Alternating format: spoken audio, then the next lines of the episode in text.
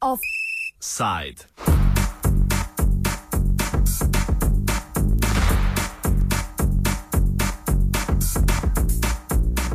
V Ljubljani so pobudniki v obliki okrogle mize odprli projekt z imenom Dostojen projekt za dostojno delo.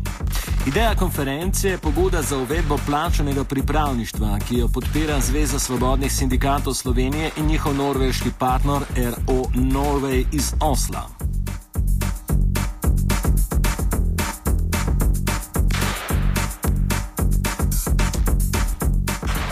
Na konferenci so izhajali onkraj splošne problematike brezposelnosti med mladimi v Sloveniji, ki je mimo grede 24 odstotna.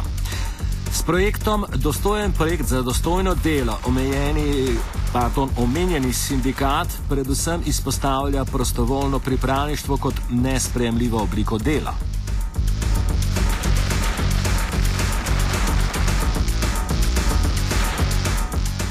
V okviru predlogov, ki so jih pripravili, se zauzemajo za vzpostavitev nacionalne scheme plačanih pripravništv, za znižanje brezposobnosti pa predlagajo tako imenovani zaposlitveni vrtiljak po norveškem vzoru in na postet še predlog vzpostavitve nacionalnega sistema ustreznega priznavanja neformalnih delovnih izkušenj.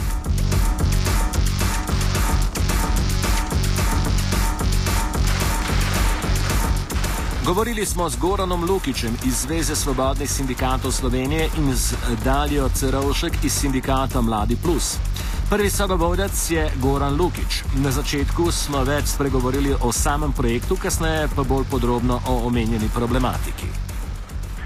Ja, se že samo ime pove, kar da vse bi rekel. Da, eh, zdaj, želja eh, samih partnerjev v projektu, zdaj, strani Slovenije smo Zveza svobodnih sindikatov Slovenije oziroma sindikat Mladi Plus. Eh, in pa norveški naši partnerji, sindikalna centrala Norveška, Elo Norvej. Uh, je namen tega projekta postaviti neke zelo, rekel, čim bolj natančne indikatorje, ki bi definirali, kaj je sploh dostojno delo, in na podlagi tega nekako pregledati slovenski in norveški trg primerjalno, uh, kateri te dela, tako povedano direktno, je bolj dostojen za mlade.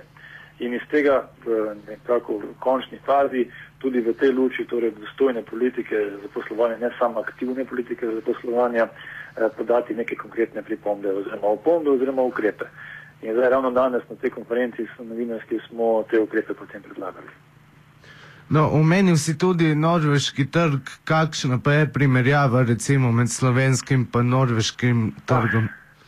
Tako bi rekel, ni samo geografska razlika zelo velika, torej da je Norveška zelo daleč, eh, tudi v smislu kvalitete dela in dostojnosti dela je Norveška zelo daleč od Slovenije, oziroma prej bi rekel obratno, da je Slovenija zelo daleč od Norveške. Eh, zakaj? Zaradi tega, če kjerkoli indikator pogledamo, plače, delovni čas, eh, kakovost dela, eh, recimo izmensko delo, eh, recimo začasnost dela, karkoli pogledamo, Norveška ima to v bistvu dostojni vidik dela, torej da je delo za nedoločen čas, da je delo uokvirjeno v normalne pogoje delovnega časa, eh, da je manj izmenskega dela, je Norveška tukaj veliko na boljšem. Obratna varijanta pa Slovenija je pa tista, ki v tem trenutku tudi v EU perspektivi prednjači po recimo deložu začasnega dela med mladimi, eh, potem mladi eh, prejemajo recimo dokaj nizka eh, plačila, eh, izmensko delo je zelo podnekvaj popularno med mladimi, kot bi rekel, da so kar videti v ta vzorec, rečemo temu nedostojnega, pa rečemo kot prekernega dela. To je zdaj nekako na hitro, primerjalna študija Slovenija-Norveška. Um, tole bi te vprašal, kar se tiče prostovoljnega pripravništva, kje se pa to najbolj, na katerih področjih se to najbolj, recimo, temu zlorablja. E, jaz vem za, recimo, za primer, e, kar se tiče zdravniškega dela. Ja, to... v bistvu tukaj vezano za vprašanje sploh samega koncepta, torej ali je prostovoljno pripravništvo sploh prostovoljno.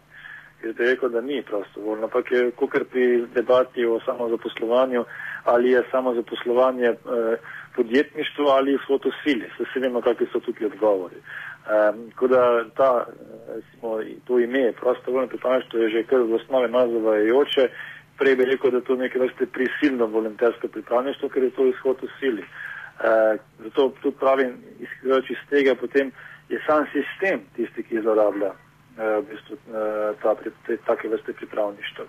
Torej, že, že sam, recimo, vem, uh, ta sistem volonterskega pripravništva je tisto, kar, kar zlorablja. Kje se pa to dogaja? Uh, zadnji primer, recimo, davčna prava Republike Slovenije, prejšnji teden je dala ven razpis za sedem volonterskih pripravnikov. In zdaj tisto, kar je žalostno, je to, da se je do zdaj na, ta, na teh sedem mest prijavilo 43 uh, mladih, kar že marsikaj pove o stopnji obupanosti mladih oseb na trgu dela. Lahko še malo spregovorimo o samem konceptu tako imenovanega zaposlitvenega vrtiljaka. Kaj bi to mm, pridoneslo, mm, recimo, pri v bistvu, zaposlitvi mladih? Ja, to v bistvu je stvar takšna, da to je koncept, ki je na Norveškem se začel in to bi šlo bolj kot ne za neko spremembo same miselnosti pri aktivni politike zaposlovanja, da ne bi bila več splošna in usmerjena predvsem v, uh, rečemo temu, neko splošno subvencioniranje mase delodajalcev, ampak da se usmeri v individualno svetovanje in pomoč uh, konkretno mlade osebi. In to, to individualno svetovanje in pomoč bi šla skozi tri faze na nivoju tudi samega delovnega mesta in bi potem v teh fazah ugotovili, nekako, eh, kje se najbolj poklopijo kompetence te mlade osebe s potrebami delodajalca in potem v tej smeri iskali potem možnosti zaposlovanja. Na Norveškem se je to izkazalo eh, za dokaj učinkovit oziroma zelo učinkovit projekt, eh, ki seveda potem bi se človek vprašal, glede na to, da gre, bi rekel, da vseeno za en koncept, ki bi se ga dalo prenesti iz Norveške v Slovenijo, zakaj potem ne bi tudi v Sloveniji kaj takega pripravili. Zdaj, za konec pa poleg teh eh, projektov oziroma poleg omenjenega projekta, ki bi se lahko prinesel, če samo poveš, kakšni so recimo še drugi, druge možnosti, kar se tiče zaposlovanja mladih, ki bi jih lahko uveljavili pri nas.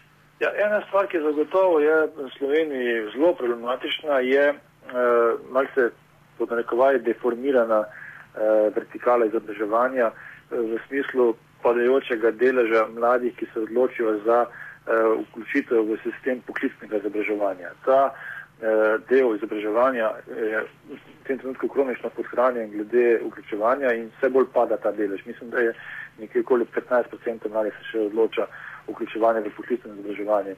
Ampak to sem danes povedal na konferenci Minski. Nisem to, da uh, ti promoviraš vključevanje v poklicno izobraževanje, ampak moš pogledati tudi drugi konec. Da bomo potem prišli do tega, da promoviramo vključevanje v poklicno izobraževanje, izhod, v, uh, izhod iz tega pa je zaposlitev, ki ti da nizko plačo in nedostojne pogoje dela, kar se zase kar dogaja. Recimo, če pogledamo, kakšne so plače uh, recimo v poklicni sferi, ne vem, uh, za te razno razne tehnične srednje poklice in se što za glavo prime. No. Tako da nihče ne pričakuje, seveda, da bo zdaj zgolj z parimi letaki eh, uspel promovirati takšne poklice in potem bo rekel temu istemu mladi osebi, glede na koncu čaka pa minimalna plača. Da, tukaj na drugi strani se mora pa tudi delodajalci zelo potruditi, da ustvarjajo neke tudi materialne pogoje, s katerimi bodo konkretno promovirali te poklice. Ne pa samo da jamrajo nad tem, da jim izobraževalni sistem ne daje pravih poklicev. Kaj pa recimo debata v usmerjenem izobraževanju oziroma v liberalnem izobraževanju? A imate tukaj kakšno mnenje? Bi bilo dobro vseeno malo bolj usmeriti izobraževanje v tiste stroke, kjer so delovna mesta ali ne? Mislim, tukaj je to je večno vprašanje. To je večno vprašanje odnosa med izobraževanjem in trgom dela in tukaj je tudi večna dilema, kako sploh predvidevati eh, potrebe trga dela na nek srednji, kaj še dolgi rok. Noben nima steklene kugle. Če bi rekel 2006, recimo kakšnemu ekonomistu, da bo čez dve leti globalna ekonomska kriza, bi te čukasto gledal. Zaradi tega, ker noben ni, ne, nima takega materijala, ne vem, intelektualnega, karkoli že, da bi to, da bi to predvideval. Uh, ampak tukaj se pa isto dogaja na trgu dela.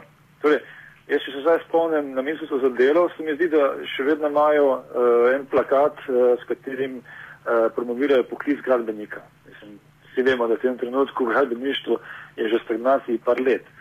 In dokaj ne bo ene jasne komunikacije med trgom dela in izobraževanjem po vseh nivojih, torej od ne vem, srednje, od osnovne srednje šole in više, visoke šole in faksa eh, in dokaj ne bo v bistvu zelo jasnega sodelovanja tu noter med izobraževalnim sistemom in trgom dela, pa ne na takšen način, da bi zdaj trg dela dojemal izobraževalni sistem kot neke vrste trgovino kadra, ko jih lahko oni potem malo zgnete po svojih potrebah, ampak enako vredno. Potem, do takrat v bistvu, nažalost, smo še vedno ujeti v, ta, v to nezaupanje med delodajalci in uh, izobraževalnim sistemom. Ko delodajalci vidijo sistem izobraževanja kot rigiden, neustrezen, kot tiste, ki jim ne da uh, ustrezen kader, izobraževalni sistem pa vidi delodajalce kot tiste, ki hoče samo v bistvu nekako po svoji meri oblikovati kader. In tukaj le mislim, da bo treba narediti en zelo hiter, hit, ampak res nujen preskok v razumevanju, kaj kdo hoče. In tukaj nas tudi socialni partneri, tudi na sindikalni strani imamo zelo veliko vlogo. Nažalost pa tukaj le, v tem trenutku lahko rečem, da se nas malce premalo porabi. Sej, morda bi tako rekel, to je v Sloveniji neke vrste začaran krok, kar se tiče eh, izobraževalnega trga in pač eh, gospodarstva, ker vedno se sprašujemo, zakaj gospodarstvo ne pride do izobraževalnega trga. Mogoče tudi zato, ker sama um, funkcija fakultet ali pa niso na zadosti visokem nivoju, če tako rečem. Mislim, problem se ne začne na fakulteti, problem se začne na srednji šoli, oziroma začne se malce provokativen že skoraj da prej. Ker eh, če pogledamo številke, eh, okoli 33% v 2012 govorimo, prostih delovnih mest je bilo za, eh, za četrto stopnjo izobrazbe, ne za sedmo stopnjo. Za sedmo oziroma osmo stopnjo izobrazbe je bilo slabih 15 odstotkov potreb. Zdaj, seveda se lahko vprašamo, ali to pomeni, da iščejo slovenski delodajalci predvsem niže kvalificiran oziroma cenejši kader. Vprašanje je seveda, lahko tudi dodatno obrnemo, če pogledamo v tujini, Avstrijo, Nemčijo, ko imajo dualni sistem, delodajalci v bistvu vlagajo tudi v srednji poklicni, mislim, kader za srednjo poklicno šolo, zaradi tega, ker eh, vidijo v tem en potencial za njihovo podjetje. Pri nas, nažalost, se pa dogaja to, da imamo ogromno, oziroma recimo podatke za 2012, ogromno podjetij, ki so dali, recimo, objavo prostega delovnega mesta in jih je zanimalo samo stopnje izobrazbe, brez kakršnih koli kompetenc. Samo stopnje izobrazbe in to je to. Tako da tukaj se potem še vpraša, kakšne so prioritete delodajalcev. Očitno torej stroški dela, ne pa kompetence. In zato se morajo tudi neko delodajalci vprašati, kaj resnično hočejo od, iz, od sistema izobraževanja. Je pa tudi res obratna zgodba. Mislim, tudi sistem izobraževanja, po pravi povedano, se ne bo mogel kar naprej zatekati uh, v, rečemo temu, beg za avtonomijo, mislim, da nekako zatekati za zidove avtonomije absolutno spoštujem avtonomijo visokošolskega prostora, ampak tukaj je treba vseeno najti nek skupni jezik za trgom dela. Absolutno ga treba najti.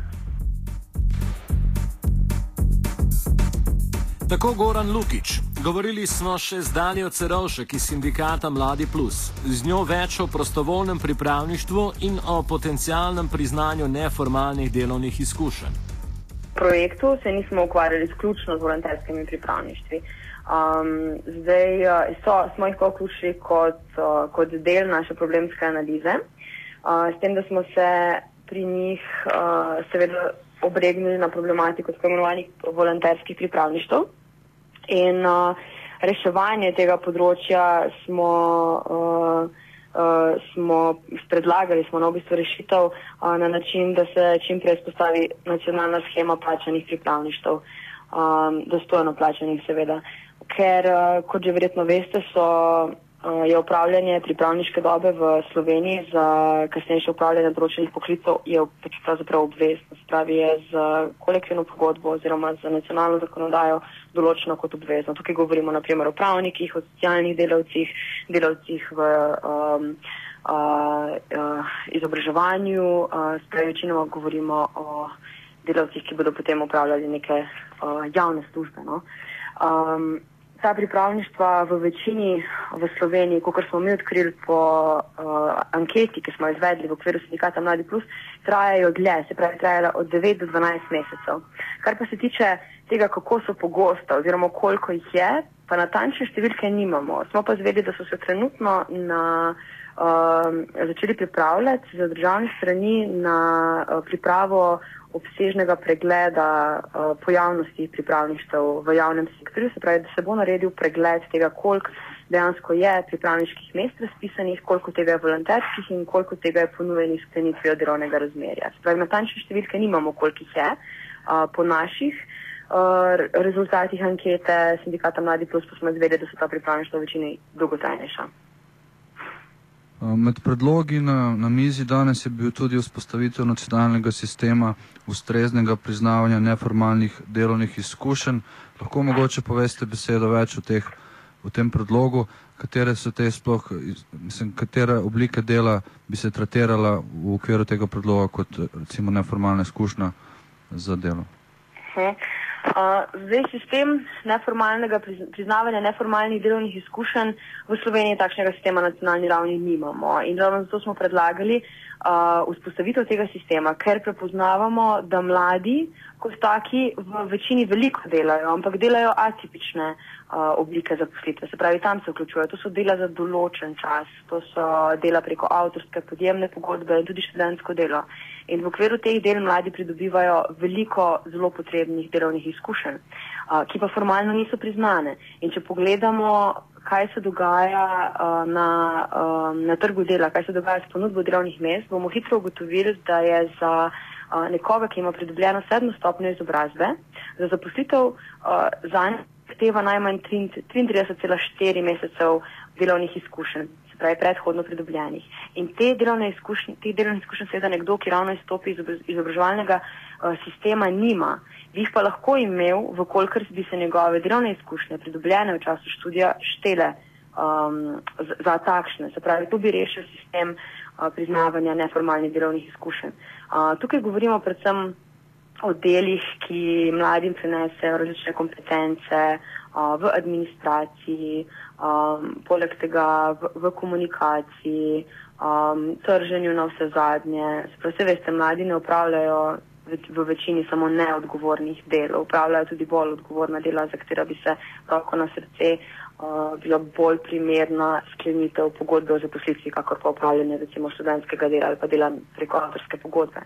Spravi, gre za, za neke kompetence, ki jih uh, delodajalci priznavajo kot um, kot potrebne oziroma jih zahtevajo, uh, vendar mladi nažalost niso priznane. Se pravi, da potem, ko je dejansko stopijo na trg dela, nimajo šans uh, dobiti te zaposlitve, ki je ponujena.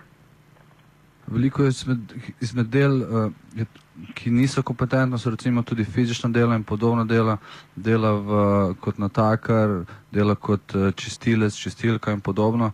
Na kak način bi se, uh, ki ga predvsem študenti uporabljajo za to, da se preživijo iz meseca v mesec, medtem ko študirajo, Kaj je potrebno, da bi se to vrstna dela tudi tretirala kot, uh, kot nekaj, kar bi potem kasneje uh, ta, ki je delo, lahko to uporabil v CV-ju za, za, za poslitev ne? in da bi uh -huh. se mu tudi upoštevalo kot kompetentno in formalno delo? Uh, Zdaj, lahko, se, lahko se upošteva kot vem, to, da je oseba um, navajena delati v timu, da, da, se, da je oseba navajena, um, da je v bistvu pripravljena delati fleksibilne oblike dela, um, morda tudi s fleksibilnim delovnim časom. Um, na tak način, no, mislim, da se seveda to niso. To so poklici, ki so nažalost v Sloveniji označeni z nekim negativnim predzvokom, ampak dejansko to so tudi kompetence in to so tudi poklici, ki jih potrebujemo. Uh, potrebujemo mlade, ki bodo tudi, tudi takšna dela upravljali. Uh, in tudi ravno zaradi tega smo, um, smo predlagali tudi spostavitev um, ponovnega dualnega sistema um, izobraževanja, se pravi vajeništva, dela in prakse v srednješolskem izobraževanju. Zato, ker uh, nam na vse zadnje manjka uh, kadra, uh, kar se tiče gostinstva, se pravi primerno sposobljenega kadra. Uh, Uh, tudi takšnih ljudi, takšnim ljudem seveda manjka in no, tudi, volonter, um, pardon, uh, tudi uh, sistem vajeništva ne, je eden iz ukrepov, ki jih predlagamo za ponovno upeljamo v naš sistem. Um, in pač vse te delovne izkušnje, ki jih mladi lahko pridobivajo, posebno različne. Uh, se lahko šteje v njemu pri, seveda pri iskanju posamezne zaposlitve. Lahko ta mlada oseba uh, sama odloča med tem, katere uh, izmed pridobljenih kompetenc bo uveljavljala v življenjepisu oziroma v prošnji za delo pri posameznem delodajalcu.